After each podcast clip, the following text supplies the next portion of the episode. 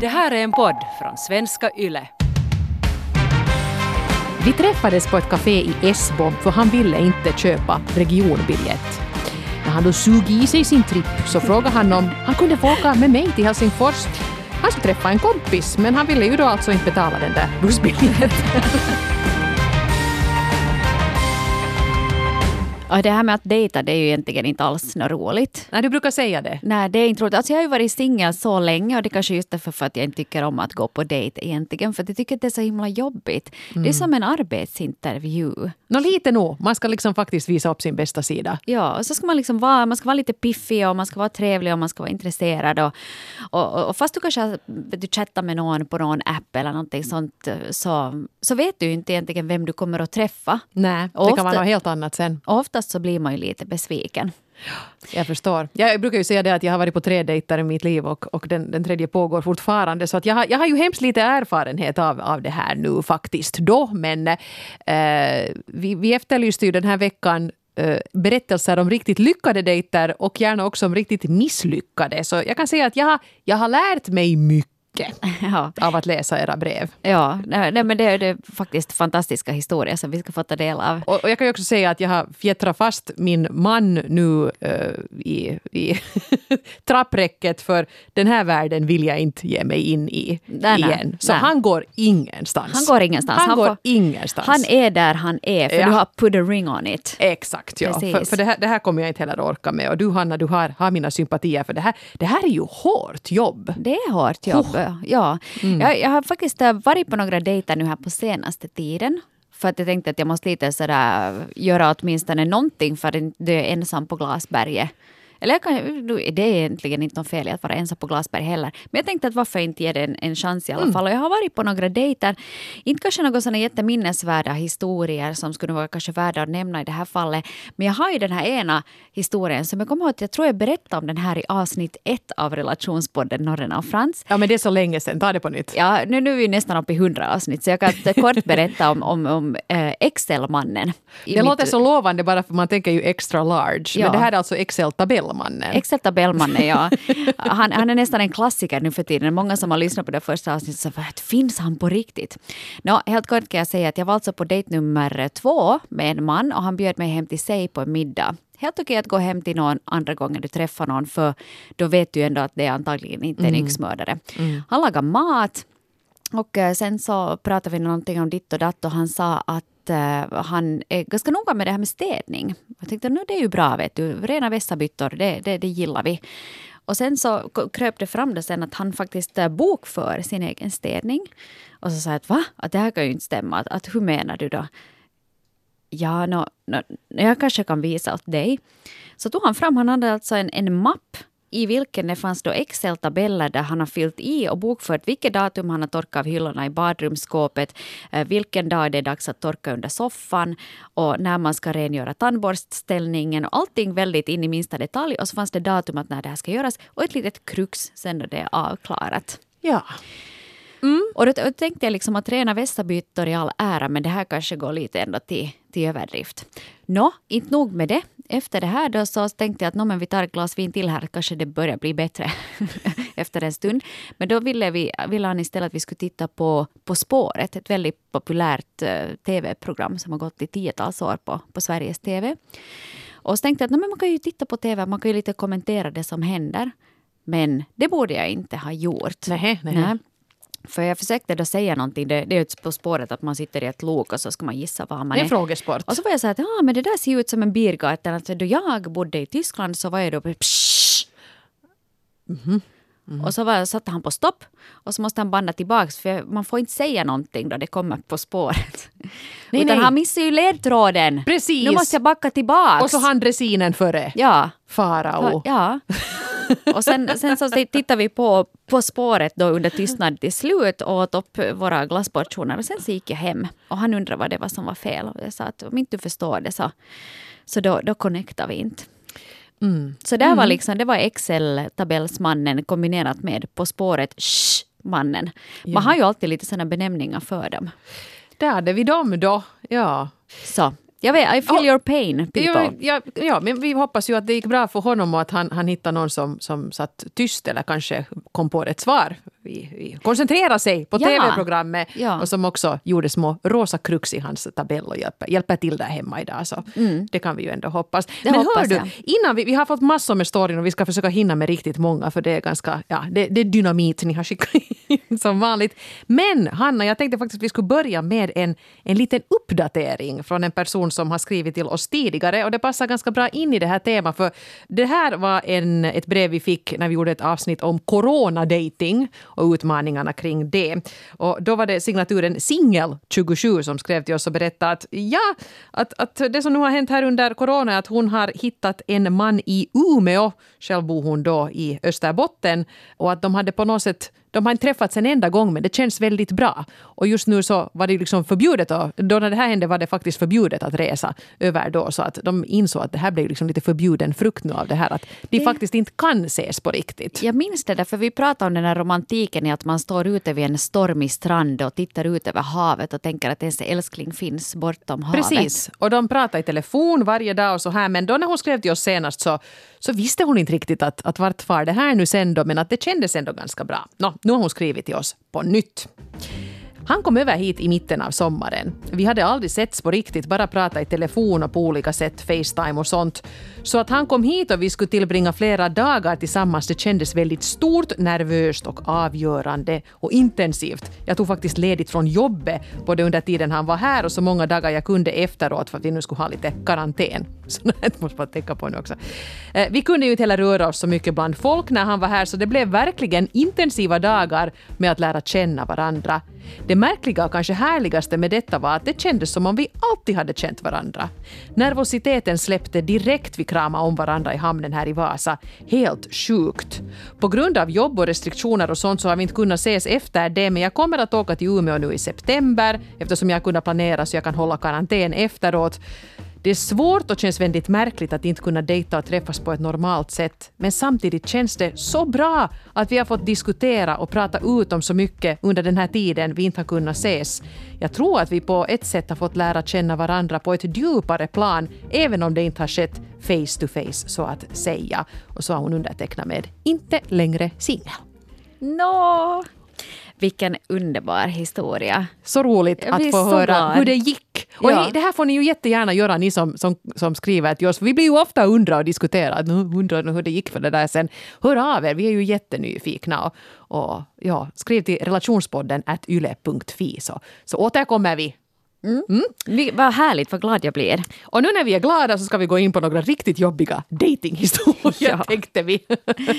vi Ja. ska, vi ta, ska vi ta några riktiga skräckscenarier Ja, vi, tar, vi först? tar några, drar upp några riktiga bottennapp här nu med, med sjögräs hängande i kroken medan, Ja. medan vi nu håller på. Vi river av plåstret direkt.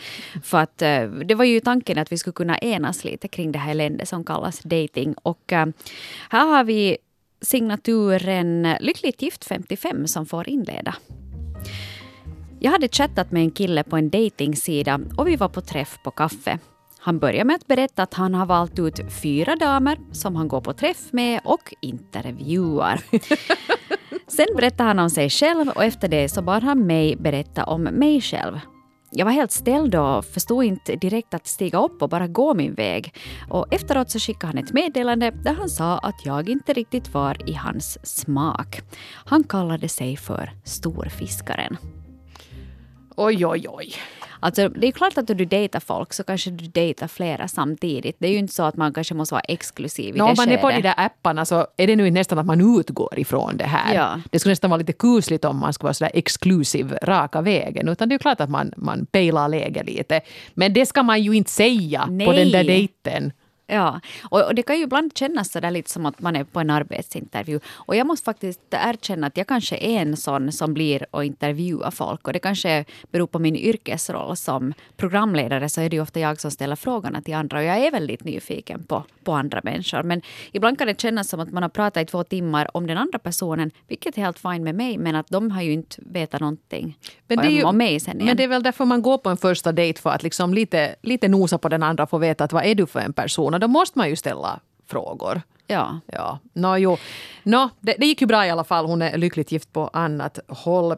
Men på tal om att nosa. Eh, ja, här har vi Antimannen 30, 38 som eh, berättar att han for iväg 120 kilometer körde han för att träffa en kvinna.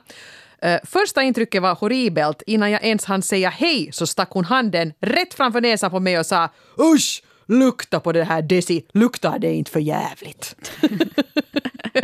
och så kan vi ju säga att resten av dejten då inte heller riktigt hade gått och till sist hade damen sagt att du är nog inte riktigt min typ. Mm. Så att eh, där rymde anti, antimannen slank undan smidigt där. Ja, han skrev en uppmaning också att, eh, att håll er borta från självupptagna desitanter.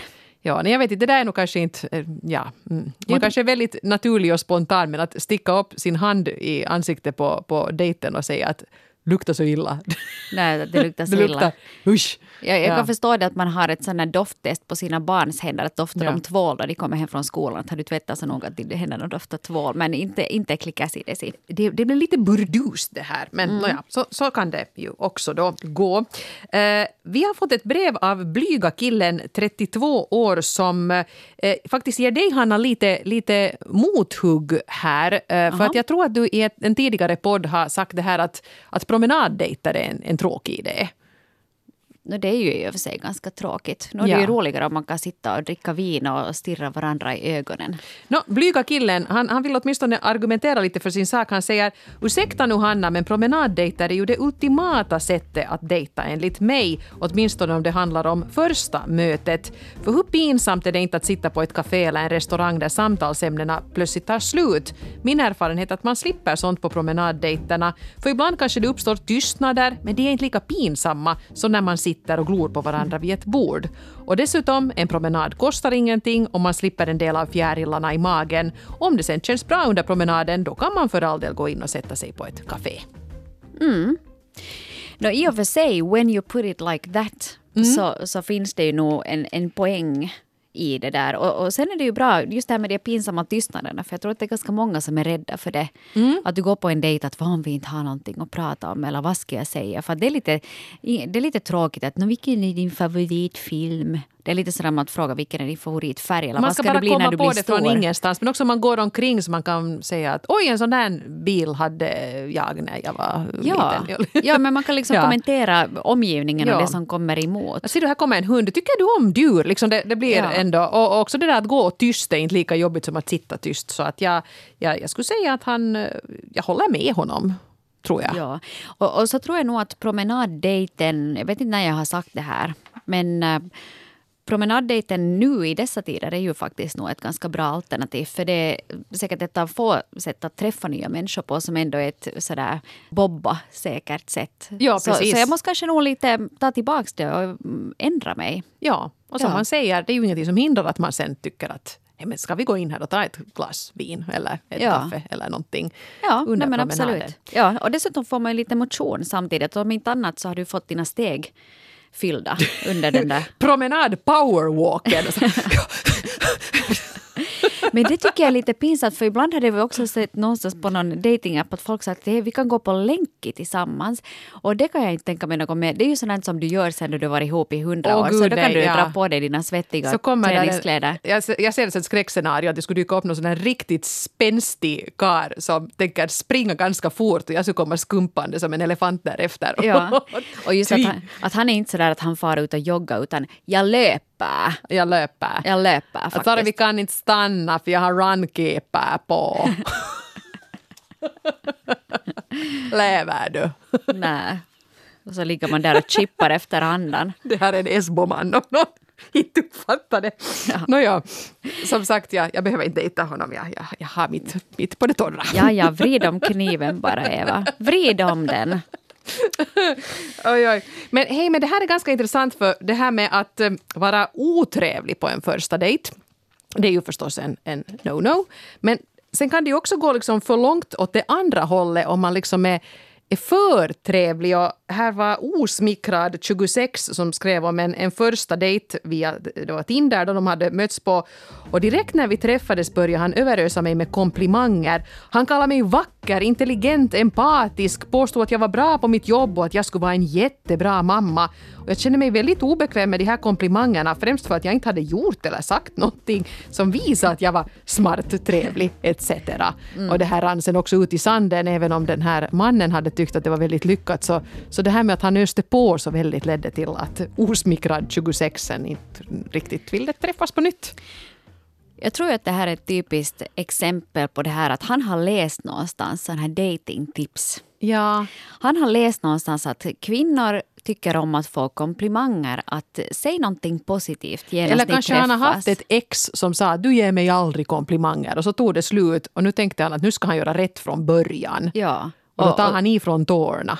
Ja, det blir kanske också fel för det känns ju inte genuint. Sen kan det ju vara härligt då man, om man lär känna varandra lite bättre och man märker att den här personen skulle säkert bli en, en jättebra mamma eller verkar verkligen ha eh, bra grepp om sin position på jobbet. Då kan det vara kul att säga att hej, det verkar som att du, du är liksom verkligen på rätt plats på ja. ditt jobb. Att, att, eh, vad kul att höra om det. Att, att du, du är tydligen jättebra på det vad du gör.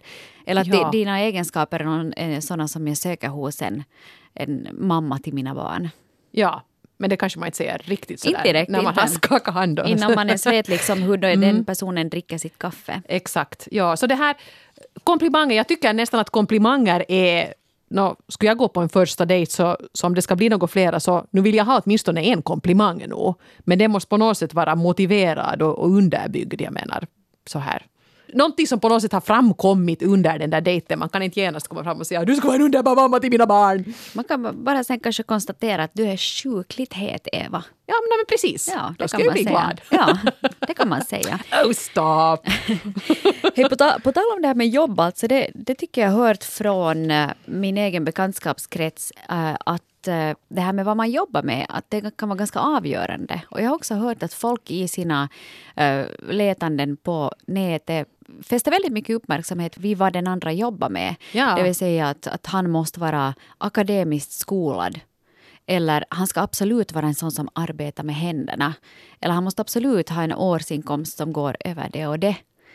Så att, och, och jobbet mm. kan vara ganska avgörande. Fast man annars tänker att han är helt morgens men om han jobbar på lokala byggarbetsplatsen så då går han automatiskt bort. Nej men vad dumt! Varför tänker folk så? Ja. Jag menar, eh, vad jag tycker är attraktivt är väl en person som har hittat rätt och är nöjd med sitt jobb och är bra på sitt jobb. Det är ju jättesexigt. Men sen vad det där jobbet är så det är ju inte så stor skillnad. Nej. Nej, jag håller helt med dig där. Jag tycker inte heller att det är just den här passionen just som är avgörande. Eller kanske inte ens passionen, men att det att man är bra på någonting är nog alltid Inte skulle jag hitta min karl om jag skulle vara så att jag vill ha en IT-arkitekt och allt annat mm. går bort. inte vet jag ens riktigt vad han gör. Eller jag vill ha en läkare för att spara på sjukförsäkringen för våra framtida barn. Att vi inte behöver betala mycket pengar för det. Det är ju för sig ganska bra. Varför gjorde jag inte det? Mm. Mm. På tal om det här med jobb det blir, jobb är ju en ganska, ett ganska vanligt samtalsämne ändå på dejter. Att man berättar lite vad man håller på med och så säger det ju faktiskt nog en hel del om folk också. Att vad de jobbar med. Jo, men man kanske inte ändå riktigt ska göra som Carolina, 32, som gjorde så här. När jag och en trevlig ung herreman var på vår första dejt så blev det tal om vad som hade varit våra första arbetsplatser i ungdomen.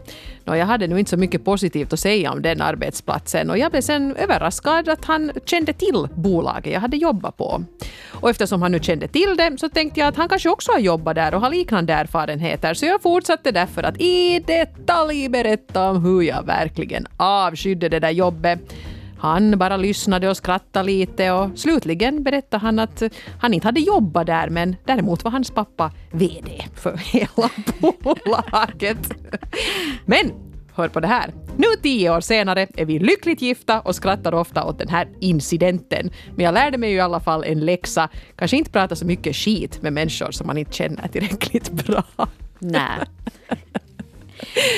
man ska nog akta sig för det där, för det kan vara jobb eller det kan också vara en gemensam bekant.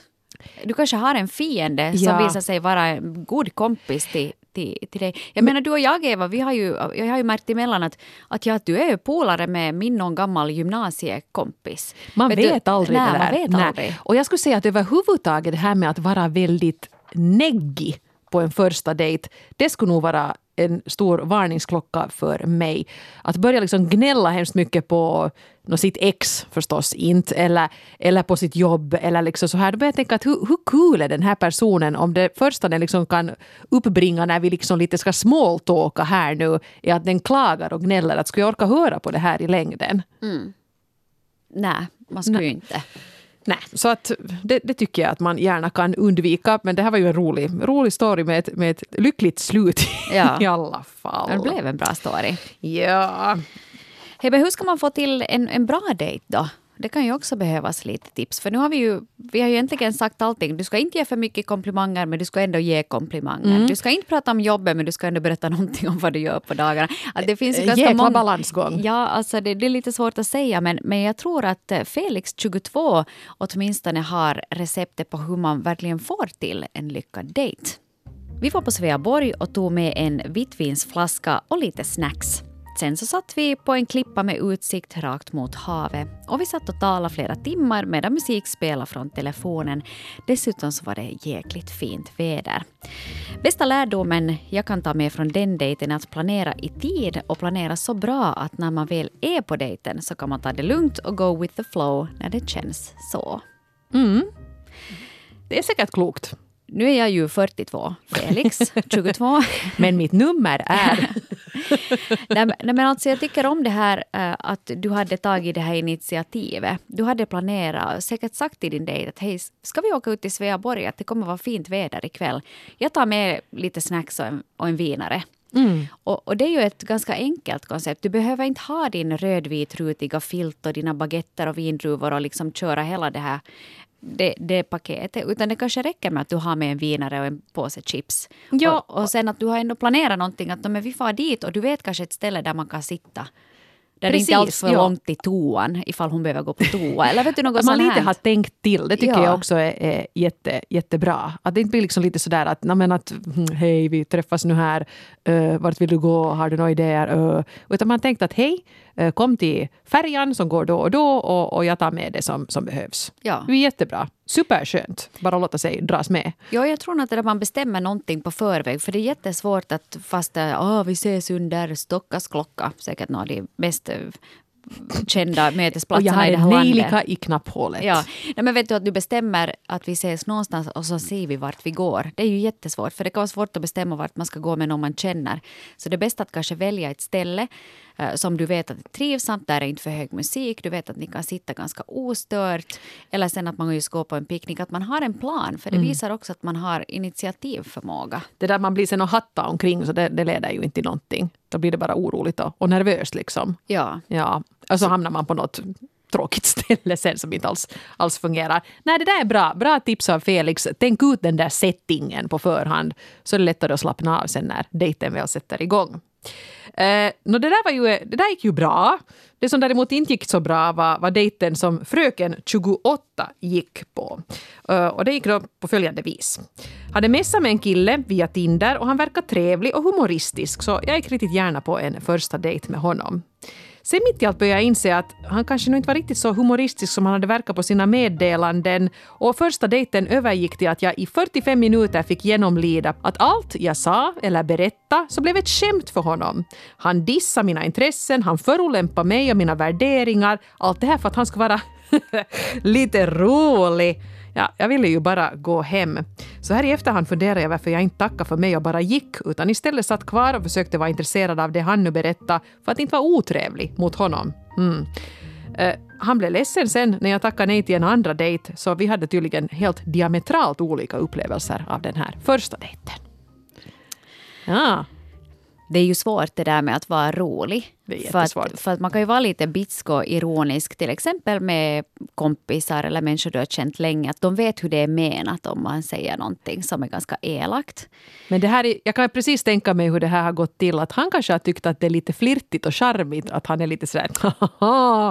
Medan hon ju då kände sig som att hon blev roastad mer eller mindre. Ja, eller jag menar om någon är sådär att ja, du tycker tydligen om att gå på loppis för att din tröja ser lite Ja. sunkig ut. Ser du, är det mal där? Sorry. Vänta. Ja, vänta, jag ska bara ta bort den där att jag ser en liten loppa hoppa omkring på dig. Ja. Ja. Och det där är nog farligt. Jag tror kanske nog att det är bra på en dejt. Det är, det är klart att man ska visa någonting av sin personlighet. Och kanske man är en Ja. sån som tycker om att skämta till det om allting. Och det funkar ju bra om du är med en person som uppskattar samma typ av humor. Men man ska nog vara försiktig med att, att vara nedlåtande eller kritisk i sina Jo, sån, här- kommentarer. sån lite små elak humor, så det måste man kanske dosera ut väldigt försiktigt. spe- Speciellt så där i början. Sen när man har varit tillsammans i hundra år så kan det ju hända att man har en sån här jargong att man håller på liksom och lite, lite småretas med varandra. Och det, liksom, det sker med kärlek för att den där kärleken finns där. Men det kan den inte rimligtvis göra på en första dejt ännu, så då kan man inte hålla på på det här sättet. Och eh, jag förstår bra att hon, att hon tappar sugen. Det som jag dock inte förstår är varför hon inte gick därifrån. Ja men hör du, det här får du nu förklara. Har du någon gång avbrutit en dejt sådär, liksom bara vandra ut för att du har insett att det här är inte någon idé. Va- Vad skulle det behövas för att du skulle göra det? Jag har inte gjort det faktiskt, men jag kan tänka mig just att om man blir förolämpad av någon så skulle jag eh, antagligen avsluta det. Inte skulle jag stiga upp och bara gå, för lik, lik fröken 28 så är jag ändå lite av en people pleaser. No, man vill vara- Så att man vill ju inte vara otrevlig. Ja, fast han är otrevlig så ska jag ändå vara trevlig. Jag undrar lite varifrån den där, den där pliktskyldigheten kommer. Att man måste vara trevlig mot någon som sitter och dissar en i 45 minuter. Men, eh, Ja. men, men jag har nog däremot hört talas om att folk har gått vet du, redan efter en kvart eller något sånt.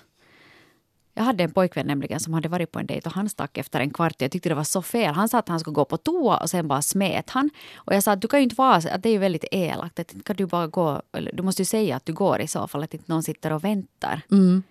För det har flera andra också skrivit in om det här att någon har varit jätteförsenad eller att man på det sättet är inte schysst. Att man kommer en halvtimme försenad, att man dyker upp jättefull eller, eller att man liksom annars bara är otrevlig. Så, så sånt eh, det, det säger ganska mycket att de inte prioriterar att vara i tid och vara där någorlunda nykter och, och hel och ren. Så, så vad säger det om dig och hur du, hur du ser på andra människor? Men, jag kanske- menar, men man helt enkelt liksom ursäktar sig och, och, och, och går därifrån. Man behöver ju inte liksom hälla drinken över honom och säga att du är elak, nu går jag. Ja. Men jag tror nog att, att det bästa är här liksom att ha en backup plan.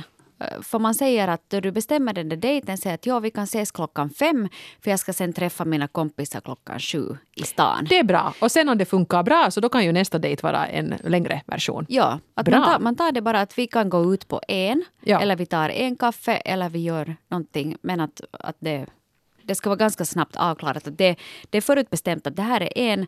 Och är det nu så att, att han är jättejobbig så får du helt enkelt svepa din drink och så går du.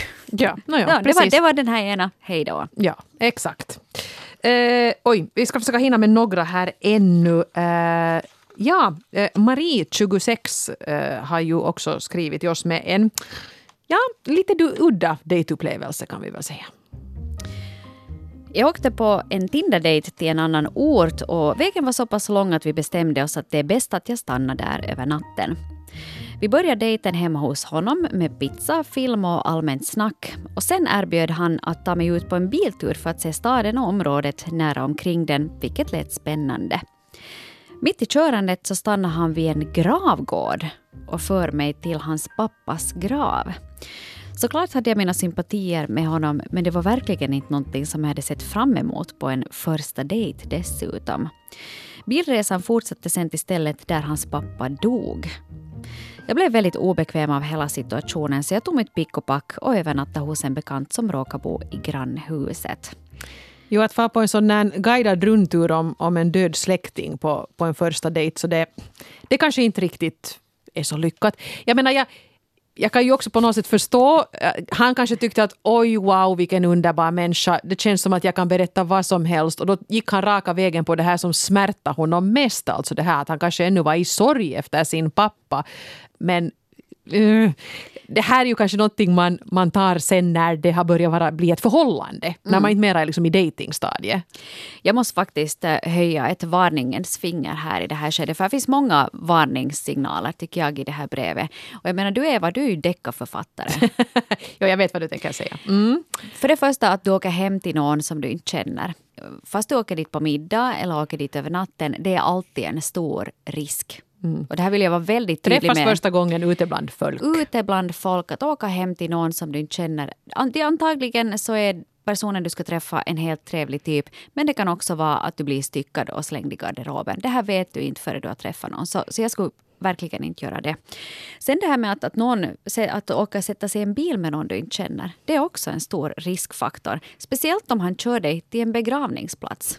Jag tycker där om, om någon gång så är det väl då som du ska trycka på den här 112-appen i din telefon. Mm, ja, no, ja, precis. Man ska, man ska vara försiktig och man ska vara förståndig. Men jag, jag gissar lite faktiskt här att, att Marie, 26, hade tänkt på det här för att hon hade ju faktiskt en, en bekant som mm. till och med var i grannhuset. Så kanske hon hade en backup-plan. Helt enkelt att man kanske kommer överens med en kompis om att om jag inte hör av mig så ring polisen. Ja. Men att någon annan vet var man är och med vem. Och att hon faktiskt då kunde Eftersom det nu inte kanske kändes hotfullt men obekvämt så kunde hon liksom chappa. Ja. Mm. Jag har haft det någon gång jag har åkt ut till någons stuga som jag ändå har känt och vetat vem det har varit. Att folk har vetat var jag är. Det är och de har skickat meddelande vet du, varannan timme att allt okej okay där och, och, och, så här. Och jag tror att det är liksom helt smart, och, smart att göra ändå på det sättet. Vi ska ta ett sista brev. Vi har sparat Trippmannen till sist. Det här är den nya Excel-mannen. Ja, är det Trippmannen? Ingen kommer att komma ihåg Excel-mannen efter att ni har fått höra om Trippmannen. Och det är Maria, 45, som har skrivit till oss. Vi träffades på ett café i Esbo för han ville inte köpa regionbiljett. För er som inte bor i huvudstadsregionen. Alltså regionbiljetten tror jag kostar 4,20, 4,10 någonting sånt. Mm. Mm. Dubbelt dyr. Det är säkert 1,50 mer än den andra biljetten. Ja, precis. Ja. Mm. Uh, så jag köpte det jag ville ha och han köpte en tripp åt sig. Uh, han hade inget intresse av att tala utan han satt och tittade på sin telefon hela tiden. När han då sug i sig sin tripp så frågade han om han kunde få åka med mig till Helsingfors för han hade kollat upp från nummerupplösningen var jag bor. Han skulle träffa en kompis men han ville ju då alltså inte betala den där bussbiljetten. Han hörde av sig på nytt en sen lördagkväll och bjöd mig hem till sig och frågade om jag skulle kunna hyra en film och köpa lite tilltugg på vägen. Jag tackade nej för inbjudan, sa att det nu inte riktigt passade.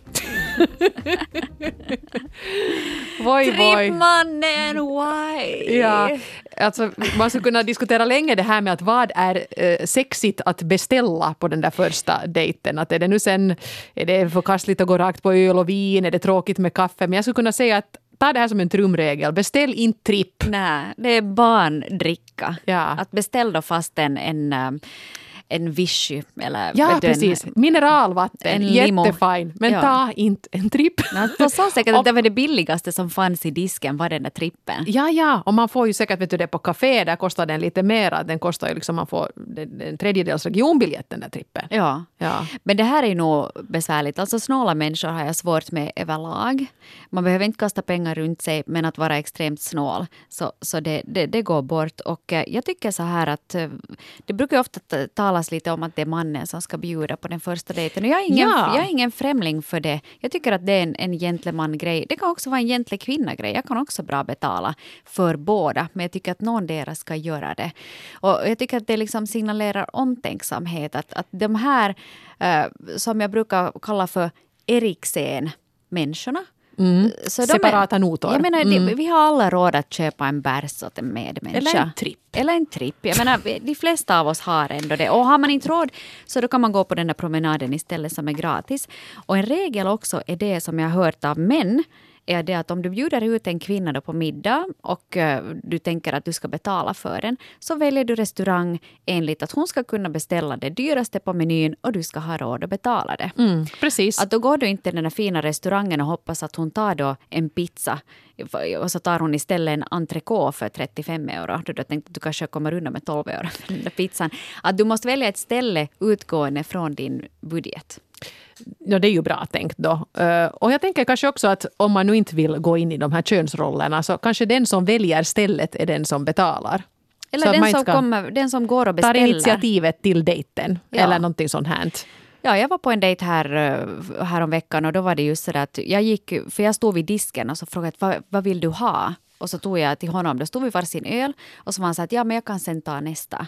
Vet du, man kan slänga det på det här sättet. Det är snyggt. Ja, ja precis. Att man ja. behöver inte sitta där sen med sina, att men vad var det nu den kostade? Ja. Och så sitter man där och gräver i sin väska efter sina slantar. Att det, det, det är ganska objussigt. Ja, och sen det är jättegentilt om någon skulle säga att jag skulle gärna bjuda dig på middag på fredag. Så är det liksom klart redan i, i det skedet. Mm. Vi ska gå till Hesburger. Ja.